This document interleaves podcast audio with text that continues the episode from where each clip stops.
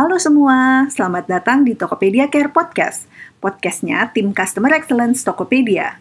Kenapa podcastnya tim Customer Excellence? Well, karena Tokopedia Care berada di bawah naungan Direktorat Customer Excellence di Tokopedia. Di podcast Tokopedia ini, kita akan ngobrol dengan nakama di belakang layar Tokopedia Care, terutama mengenai pengalaman mereka membangun customer experience dan memberikan pelayanan terbaik untuk toppers. Saya Melia, nakama yang akan memandu obrolan dalam podcast episode 2 ini.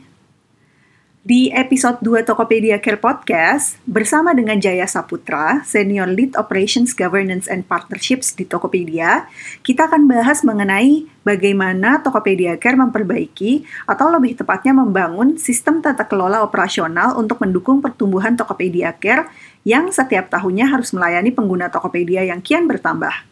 Seperti apa sih tips sukses keberhasilan Tokopedia Care dilihat dari kacamata tata kelola operasional yang baik? Hal apa saja yang menjadi katalisator pencapaian operasional Tokopedia Care yang efektif, efisien, dan tetap memberikan pengalaman terbaik bagi pelanggan? Kita obrolin yuk di episode 2. Kali ini kita akan ngobrolin topik tata kelola Tokopedia Care nih bersama Jaya, Senior Lead Operation Governance and Partnership Tokopedia yang berkontribusi langsung membangun tim ini sedari awal. Halo Pak Jai, makasih loh udah datang ke podcast ini. Gimana kabar nih? Hai, hai Mel, I'm doing really well Mel. Uh, terima kasih udah diundang nih ke podcast ini. Jai, mungkin uh, sebelum gua ngobrol lebih lanjut nih, boleh perkenalan diri dulu nggak sih ke pendengar Toko Care Podcast nih? Udah berapa lama lo di Tokopedia dan sibuk apa nih sekarang Jai? Uh, gue udah udah udah mulai kerja di Tokopedia itu dari 2016 uh, tahun ke-6 sekarang uh, itu itu shortlist setelah lulus kuliah waktu itu. Selama karir gue di sini 6 tahun dari awal itu udah udah di customer excellence tapi blessed enough karena uh, ada banyak kesempatan buat buat explore dan buat belajar. Untuk banyak role juga tuh gitu. Dulu dulu waktu join itu beneran mulai dari first layernya gitu ya. Uh, jadi jadi uh, CS dulu kita masih panggilnya CS agents kan sekarang sudah customer first squad ya dulu SCS agent handle handle channelnya email. Udah dari email di move ke tim back office dulu sebutannya uh, apa berkoordinasi langsung gitu sama tim produk sama tim tech. Itu tuh ada di back office pernah. Managing day to day operations buat the whole uh, email channel akhirnya itu pernah juga gitu. Dan sama di posisi sekarang di operations governance and partnership. Nah operations governance and partnership ini ya basically kita responsible buat uh, kita nah sebutnya for the whole vendor management role gitu, Mel dari bisnis proses outsourcing partners kita dan teknologi partners kita juga baik secara legal, commercial, governance dan compliance. Oke, sampai sekarang jadi senior lead ya di OGP ya. Singkatannya OGP gitu ya teman-teman. Iya, singkatannya OGP betul. Oke. Uh, Jai, minggu lalu kan kita tuh udah ngundang Pak Rudi ya di podcast ini nih. Dan uh, beliau tuh sempat cerita mengenai visi yang ingin dicapai Tokopedia Care gitu dari awal berdirinya. Nah, di episode uh, pada waktu itu juga Pak Rudi menjelaskan uh, mengenai piramida CX nih. Dan bagian yang paling atas adalah emotionally connected dengan penggunanya Tokopedia gitu. Yep, yep. Nah, untuk bisa uh, mencapai ujung piramida itu tuh ada tiga elemen utama kan nih kata bapaknya. Uh, yang perlu kita perhatikan ada people, kemudian ada proses, dan ada teknologi. Betul, nah, Uh, mungkin di episode ini gue pengen bahas lebih spesifik gitu ya dari sisi prosesnya, yang itu mungkin relate banget dengan lo. Secara spesifik dari sudut pandang tata kelola operasional ini, itu bagian proses kan ya si tata kelola ini ya? Iya, iya betul. Tata kelola itu yes bagian dari proses gitu ya. Jadi dulu itu di 2017 operating model kita gitu ya di Tokopedia Cater itu sebenarnya dulu tuh combine Mel. Ada nakama uh, di tim customer service itu yang in-house kelola langsung gitu ya sama Tokopedia gitu. Tapi ada juga sebagian yang memang dikelola uh, oleh BPO partner kita gitu secara managed service gitu. Jadi ada dua tuh model yang jalan gitu. Tapi di 2017 itu kita kita akhirnya ketemu bahwa tantangannya akan sangat besar nih gitu uh, kalau kita tetap tetap apa keep up dengan model seperti ini gitu karena tantangannya tuh bisa gede di secara uh, scalability gitu.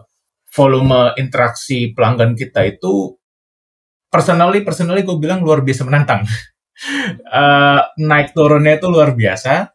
Dan kalau kita tarik angka setahun gitu ya itu justru kebutuhan apa ya kebutuhan karyawan itu bisa bisa meningkatnya atau atau kebutuhan buat personel yang handle apa interaksi pelanggan ini ya kita bisa lihat setiap tahun naik 100% gitu.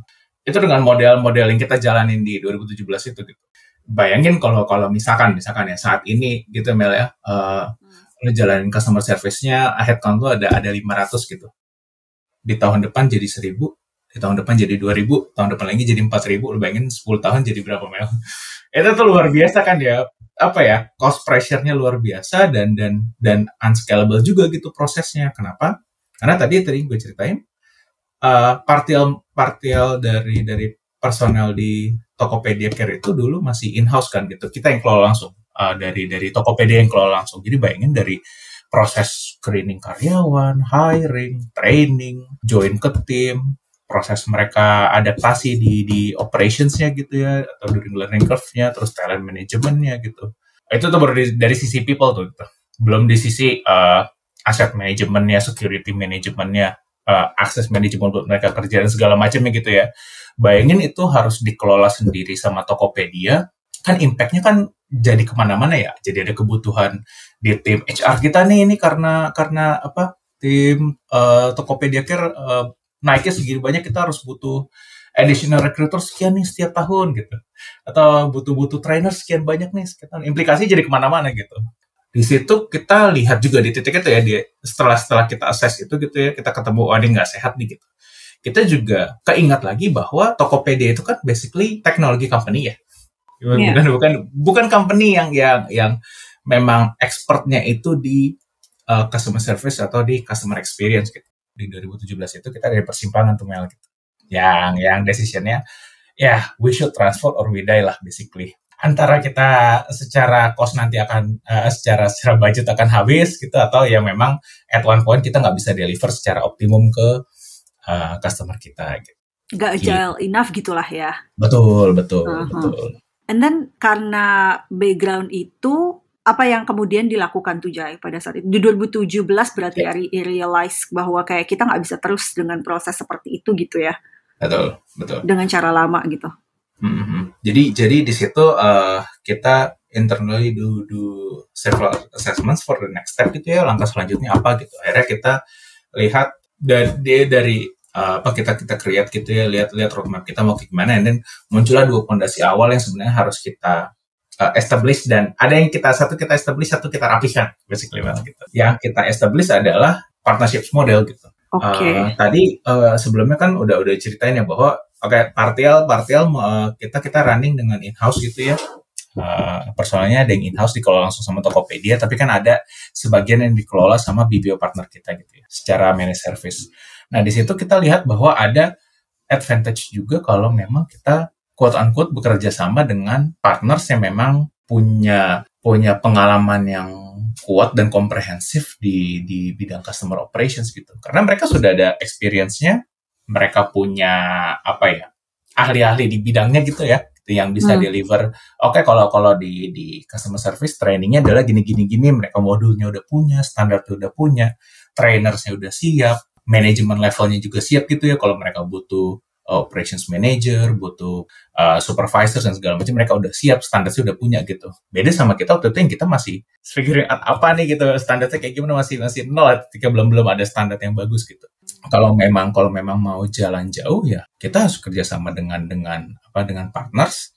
Basically uh, untuk scope yang memang bukan bukan fokus kita di situ gitu. So this customer service ya operationsnya untuk untuk untuk yang yang menghandle uh, komplain pelanggan langsung ya kita kita perlu kerjasama dengan dengan partner yang lain dengan partners yang bisa biar bisa scalable secara proses gitu. Jadi kita Tokopedia Care bisa istilahnya apa ya bisa fokus on what matters gitu di di di secara customer experience-nya di di complaint journey-nya di platform yang memang dipakai uh, oleh customer kita untuk komplain, platform yang dipakai oleh uh, customer first squad kita untuk apa kerjain complaints-nya gitu dan segala macam. Kita fokus ke situ. Itu tuh yang harus kita kita apa enable tuh di awal. Yang kedua yang harus kita quote unquote rapihkan adalah secara tata kelolanya. Tata kelola bisa dua nih Mel. Hmm. Satu, tata kelola dengan dengan partners. Terus yang kedua, tata kelola secara bisnis proses di internal juga. Gitu. Oke, jadi cakupan besarnya ada dua nih ya, tata kelola dan ada kemitraan juga di dalamnya ya. Ya, betul. Oh, Oke. Tapi kenapa sih Jay di pada saat waktu itu melihat bahwa nih we are not we were not agile enough nih di 2017 itu ya. And then Yep, kenapa kemudian eh, memilih atau keputusannya tuh kayak oke kemitraan dan tata kelola nih yang penting dulu buat diperbaiki gitu yang yang krusial nih untuk di, dibentuk dan diperbaiki tadi. Jadi jadi waktu itu uh, kita memang memang di bukan di kita kita assess uh, untuk untuk model apa ya kita bilang customer operations model kita ya. Ada ada beberapa opsi sebenarnya. Apakah kita mau pakai partners full gitu ya? Apakah kita mau mau part atau running partial kayak yang jalan saat itu gitu? Atau atau kita uh, apa ya udah semuanya semuanya under Tokopedia aja biar lebih kita lebih bisa kita kontrol gitu. Tapi ya balik lagi akhirnya decisionnya adalah ya kita kita ibaratnya kerjasama dengan partners for scope yang memang ya memang apa ya sudah ada expertnya lah di luar gitu. Kita fokus hmm. di teknologi company, kita kerjasama dengan partners yang punya strong history dan expertise di customer experience gitu untuk biar biar kita bisa bisa achieve more lah di situ. Hmm. Jadi decisionnya di situ barulah kita uh, masuk ke arah tata kelolanya. Nah, satu mungkin ya, hmm. kayak apa sih? Mungkin mungkin satu hal ketika kalau udah ngomongin apa uh, partnership gitu ya, uh, disclaimer dulu, hmm. partnership yang Tokopedia Care jalanin ini beda sama partnership lazim ya, yang di luar gitu.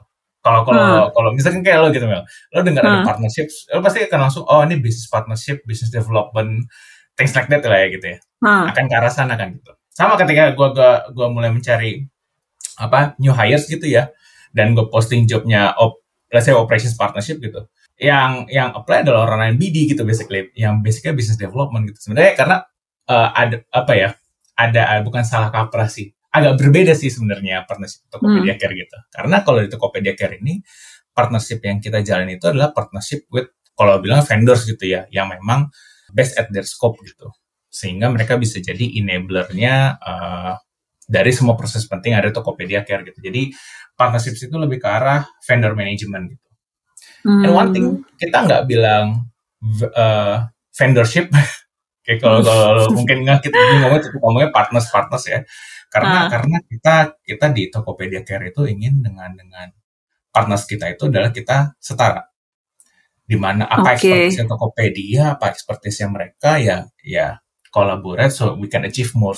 Kenapa tadi partnership dan governance jadi fokus fokus utama? Balik lagi ke tadi yang pertanyaan yang di sebelumnya ini ketika gue cerita ada dua pondasi utama nih gitu kan. Satu, kenapa leveraging partnership? Kenapa partnership? Karena ya itu kita bisa fokus ke strength point kita gitu. Pondasi yang kedua kena masalah tata kelola kenapa jadi krusial karena itu hal penting untuk kita rapiin sebelum kita scale up. For example, gue gue, gue uh, bawa contoh kecil ya kalau tim lo masih masih 10 orangan gitu oke okay? kalau lo mau mau eskalasi pasti kan simpel ya. Oh yaudah eskalasi gue tinggal ke direct lead gue selesai. Kalau orangnya 500 manajernya kan nggak mungkin satu ya. Pasti ada ada ada ada sekian puluh managers gitu di situ. Bayangin kalau kita nggak punya apa dokumentasi yang rapi how to escalate gitu ya. Harus bawa apa prosesnya gimana eskalasi dari mana ke mana. Terus kalau ternyata apa nggak nggak apa nggak nggak mempan di layer satu eskalasi layer dua ke mana gitu. Kalau semua dokumentasi dan proses itu nggak ada dan nggak rapi bayangin 500 orang itu eskalasi bisa ke mana-mana udah. Itu hal simpel baru eskalasi gitu belum masuk ke yang lain. Contoh kedua secara kontraktual gitu. Ya namanya sama partners ya apa pun kita harus ikat di dalam kontrak. Pasti kan itu kan itu kan yang yang ngebinding dua pihak ya basically. Kalau dua part ini udah rapi gitu Mel, mau scale up ke tingkat apa pun, mau punya strategi apa pun gitu ya, Tokopedia Care, playbook di level fondasinya udah jelas gitu. Tinggal disesuaikan aja strateginya apa. Tapi berarti dari awal Tokopedia berdiri tuh belum ada ya si tim kemitraan dan tata kelola ini atau OGP ini ya? Betul. Tapi baru baru ya. ada after ada transformasi eh, apa ya ada bukan transformasi lah ya ada perubahan tadi ya kita melihat bahwa kemitraan dan tata kelola ini penting and then ya udah ada tim ini gitu ya. Ya betul. Dan tanggung jawab utamanya tuh mainly ya managing partners ini berarti aja ya managing partners dan um, mengelola uh, business partners dan internal proses juga ya. Uh, ya, in general, in general seperti itu. Tapi kalau gue boleh breakdown sedikit. Yang di tackle itu ada tiga area besar gitu, Mel. Uh, dari tim OGP ini gitu. Satu satu betul partnerships yang yang handle the the business relationsnya, business partnership partnya lah gitu ke, ke semua partners ini gitu. Termasuk yang engage ke potensial partner baru. Ini itu itu layer satunya gitu. Nah layer keduanya ini ada yang kita bilangnya scope-nya itu finance and compliance gitu karena dia yang akan handle secara commercial, secara budgeting, secara manajemen resiko, compliance, audit itu ada di sini semua nih gitu. Scope yang ketiga itu kita bilangnya control and excellence gitu. Ini ini ini center of governance lah, center apa titik sentral dari tata kelolanya ini gitu. Karena mereka uh, scope yang ketiga ini adalah yang basically creating the whole standards, ngebuat untuk standar-standar untuk dari sisi apa people process kayak onboarding uh, nakamanya, offboarding nakamanya, talent manajemennya gitu ya performance management ya standarnya di create di sini juga workplace experience juga. Ini ini juga unik nih Mel workplace experience gitu. Melia pasti udah ngerasain kantor kita kan ya? Udah, udah ngerasain Tokopedia Tokopedia Tower atau Tokopedia Care Tower kan ya? Udah kan? Udah udah udah. Oh, ya, Tokopedia Tower ha. Oke. Okay. uh, hal satu hal yang lu notice pasti adalah mau ke Tokopedia Tower atau Tokopedia Care Tower feel-nya pasti sama kan Mel? Feel kantornya kan sama kan kayak oh iya ya ini ini office Tokopedia nih gitu. That that experience yang mau kita implement juga ke tempatnya uh, atau kantor-kantornya Tokopedia Care yang lain yang memang dikelola oleh partners kita gitu. Kita pengen semua nakama yang ada di kantor-kantor itu di mana pun ya basically punya experience yang sama tuh gitu. Terus dia juga apa di scope ketiga ini yang creating apa standar untuk akses manajemen akses buat uh, nakama ini kerja manajemen uh, asetnya, security manajemennya, dan juga apa BCP atau business continuity plan-nya gitu Mel. Kalau tadi lu udah jelasin kenapa apa dan kenapa gitu ya, pondasinya uh, adalah tata kelola dan kemitraan gitu. Ya. Terus pertanyaan gue selanjutnya nih Jai, uh, secara be garis besar gitu ya, tahapan apa sih yang harus dilalui untuk mencapai tahap uh, tata kelola dan kemitraan yang mature kayak Tokopedia hmm. sekarang nih? Hmm, hmm. Mungkin kalau kalau gue bisa jawab itu ke dalam beberapa tahapan gitu Mel ya. Kan kalau kalau tahap pertamanya you have to define your conditions dulu. Karena nanti dari si cabangnya bisa bisa macam-macam gitu. Kayak tadi case-nya Tokopedia Care. Kita opsinya ada tiga sebenarnya. Kalau kalau mau disim, disimplify mau jalan tetap partial gitu ya. Ada ada ada yang in house, ada yang dengan partners atau full in house atau full partners gitu. Uh, dan kita ambil salah satu karena menurut assessment kita dan dan kondisi kita saat itu uh, opsi yang ketiga adalah yang uh, paling baik. Gitu. Tapi itu not necessarily uh, fully applicable ke yang lain juga gitu. Karena akan sangat bergantung dengan kondisi masing-masing gitu. Uh, challenge yang dimiliki perusahaan masing-masing gitu lah ya. Challenge-nya apa, misalkan traffic growth-nya gimana, fokus dari company-nya itu apa. Gitu. Setiap beda faktor itu akan akan akan beda tuh nanti outcome-nya oh, gitu.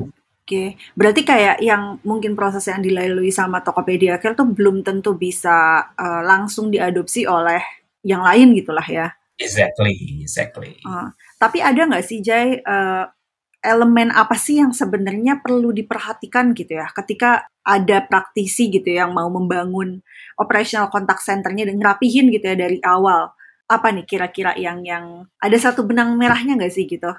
Oke, okay. uh, I would like to say uh, semuanya itu kan bergantung ke operating modelnya ya. Operating operating model apa yang saat itu ada gitu ya, dan operating model apa yang mereka mereka aspirasikan untuk dijalankan gitu. Karena balik lagi partnerships itu by nature adalah enablers. Mereka akan enable partners ini akan enabler apa pun strategi kita sebenarnya. But to do that, you have to find the, the right partners, right? Partners itu akan akan follow strateginya kita, strategi kita akan akan balik lagi. Ujungnya di awal adalah gimana operating model yang mau kita jalankan di tim ini. Define your roadmap, ketemu roadmap mau kayak uh, operating modelnya kayak, gimana, uh, di create roadmapnya. Di situ di titik itulah baru work towards your partnership partnerships, and then kayak mulai rapiin tata kelolanya. Itu tuh satu satu apa ya garis merah yang harus dipegang sih gitu. Jay, gue penasaran. Berapa lama sih waktu itu ya, waktu yang dibutuhkan Tokopedia Care untuk sampai tahap yang sekarang nih, yang gue menilainya mungkin udah cukup mature ya dalam uh, hal tata kelola dan kemitraan ini? Uh, itu pertanyaannya tricky sih. Jadi gini, waktu itu um, assessment saya kan mulai di 2017, uh, and then kita mulai mulai the proses gitu ya itu di 2018 to be honest, kita sampai saat ini masih work in progress juga gitu. Nah, kalau tadi Mel ya bilang udah sampai di level yang major, uh, perhaps yes, but kita masih belum tackle semua nih apa yang yang kita define di roadmap kita di awal gitu. Yang waktu itu sudah sudah paruh di define juga di awal. Secara partnership roadmapnya seperti ini ya gitu. Ini kita sampai di titik ini belum belum ke tackle semua gitu. Ini still work on progress gitu sebenarnya. To simplify waktu itu major transformations itu bisa selesai dalam waktu satu tahun. Mengubah dari yang yang apa?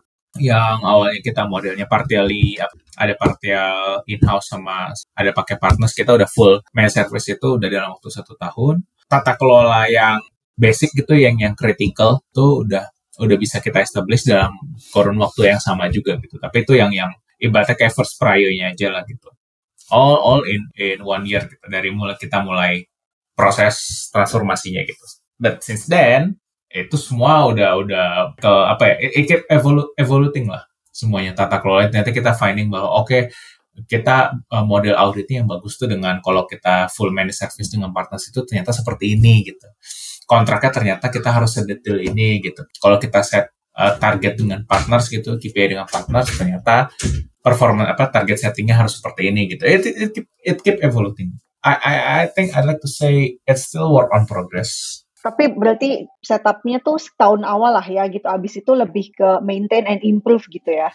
Betul. Sampai sekarang betul. ya prosesnya nggak selesai ya. Ya dan itu okay. itu sulit tuh gitu karena tuh udah apa major transformations di awal gitu and then kayak achieve ABC gitu kayak kayak udah udah wah gitu tapi ketika lo udah udah reach titik better yang dibilang dibilang better itu waktu itu better selanjutnya kan just oke okay kan Mel Yeah, yeah. Kalau kan di expect better better lah ya. That's that's the endless fight lah di situ. Kita udah mendekati sesi akhir nih, Jai, dari episode kali ini. As a final question ya dari gue, gue mau tanya terkait uh, tantangan yang lo hadapi nih selama proses uh, dari awal sampai kemudian sekarang maintain and improve gitu ya. Sepanjang proses yang tadi udah lo cerita nih, kalau lo mesti berbagi hal yang paling menantang yang lo hadapin gitu ya, Jai, bisa mungkin secara tim atau individu itu apa Jay? Sharing sharing proses belajar lo deh gitu. Dan yang paling penting mungkin gimana lo hmm. menyelesaikan hal itu. Jadi bukan problemnya doang, tapi kayak how to-nya gitu ya. Jadi kita bisa belajar nih. Gue dan pendengar bisa belajar. Ah, banyak banget sih. Kalau kita apa, gue harus share apa challenge sih kita ya. Wah, banyak banyak banget Mel. Kalau gue mungkin bisa bisa simplify jadi dua dua hal ya tantangan besarnya sebenarnya satu adalah waktu itu ketika kita mulai mulai atau atau let's say OGP itu establish gitu ya dan dan udah ada roadmap yang di assign kita harus kita kita we have to do this transformation gitu. Nggak ada satupun baik gua ataupun tim yang di assign waktu itu adalah expert in this part. Pengalaman uh, dealing dengan ibaratnya kayak partners gitu ya secara secara bisnis transforming the apa tata kelola kita gitu. Setting up the agreements yang kuat gimana proses audit yang kuat gimana. Itu tuh nggak ada yang punya pengetahuan itu. Kita semua basically quote unquote graduates dari tim apa ya frontliners gitu. Baik baik baik gue dan tim yang desain uh, kita semua kita semua awalnya ibaratnya kayak CS lah gitu. Dan kita desain ini gitu. It's a huge challenge tapi uh, yang kita tahu adalah satu culture di Tokopedia itu kan kita dua kan sebenarnya kalau kalau di part ini kan sebenarnya dua dua culture yang yang memang bisa kita pakai teruskan satu ya growth mindset dan make it happen make it better kan gitu. Itu tuh yang yang bisa kita pegang itu sangat diperbolehkan untuk untuk salah dan boleh kita sangat diperbolehkan untuk belajar dari kesalahan kita. That's that's really culture yang yang menurut pendapat gue sangat motivating. Kita semua tim yang waktu itu menjalankan ini pertama kali gitu. Yang kedua support dari endless support dari leaders juga gitu waktu itu. Uh, mereka yang endlessly guiding us sebenarnya ke arah mana sih gitu. Jadi kayak mereka nggak nggak micromanaging tapi kita diarahkan baiknya gimana gitu. Diliatin aja gitu, oh ini ke arah mana sih? Oke progresnya gini, oke masih masih dalam timeline. Ini kalau udah mulai keluar jalur, baru ini dibalikin lagi gitu. Uh, proses itu yang sebenarnya membuat kita akhirnya waktu itu percaya diri untuk tackle the challenge.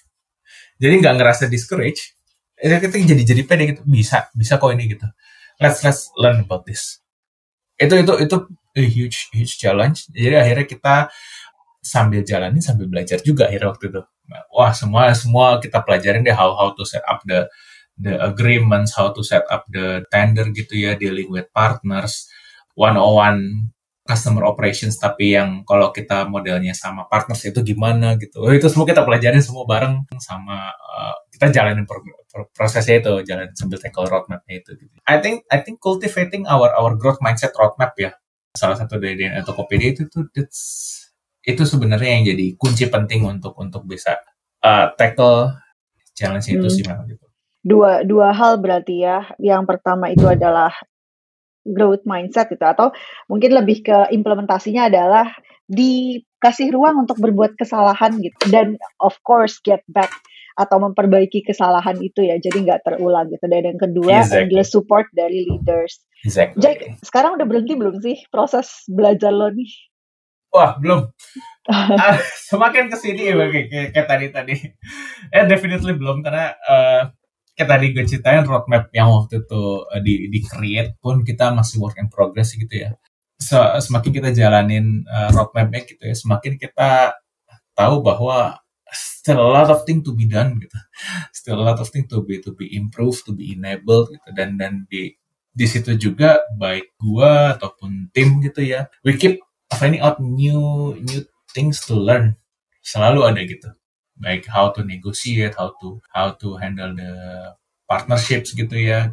Banyak lah banyak hal yang yang as we progressing the roadmap yang kita hal-hal baru yang kita pelajari gitu dan, dan selalu ada gitu. Jadi kayak ini udah udah jadi insight udah empat tahun dari kita mulai uh, transformasi. Dari kita mulai perubahan titik itu ya titik transformasi itu udah empat tahun. Enam tahun dari gue mulai kerja di Tokopedia rasanya belum pernah ada titik yang yang kayak abis gitu oke okay, that's it G, apa finish gitu kayak enggak gitu kayak kayak ah selalu ada ada challenge baru selalu ada ada ada hal yang uh, harus dipelajarin gitu biar biar kita bisa tetap berkontribusi di uh, baik di tim ini ataupun di Tokopedia secara keseluruhan gitu seru lah seru banget kan Oke mantap mantap. Udah habis sih Jai pertanyaan gue nih. Thank you banget nih Jai. Bahkan gue yang kerja di Tokopedia aja ngerasa banyak tahu hal baru nih dari obrolan sama lo gitu. Tapi uh, sebelum gue tutup, gue selalu nanya nih Jai ke narasumber baru Paludi sih ya kemarin di episode satu ya mengenai tips and trick nih. Tapi kalau dari lo, gue mau tahu nih tips and trick apa sih yang uh, mungkin pengen lo sampaikan nih ke pendengar Toko Care Podcast yang tertarik atau uh, mungkin baru mau membangun karir karirnya ya di ranah governance and partnership ini. Kayak apa nih tips and trick dari lo Jai? Kok bisa lebih luas bahkan ya dari itu ya? Iya, iya betul, betul bisa lebih luas dari itu. Dua hal sih sebenarnya. Satu, nggak usah ngerasa setback ketika ketika lo tahu bahwa misalkan background pendidikan lo atau atau experience lo sebelumnya nggak connect sama hal yang related to governance and partnerships ini gitu. We've been there dan that secara education background, secara experience nggak ada yang relate dengan itu. Yet kita bisa berkontribusi di di part governance partnership ini di Tokopedia Care gitu. Jadi nggak usah ngerasa setback dengan itu. Dan yang kedua, uh, to first points, jangan berhenti belajar sih growth mindset itu. Oke Jai, kalau gitu uh, makasih banyak nih untuk waktu yang udah diluangin ya. Salam sehat dan semangat selalu nih Jai untuk lo dan keluarga dan teman-teman semua di sini. Mantap, uh, juga Mel. Oke, okay. dadah Jaya, dadah okay. teman-teman semua. Thank you semuanya, thank you, bye.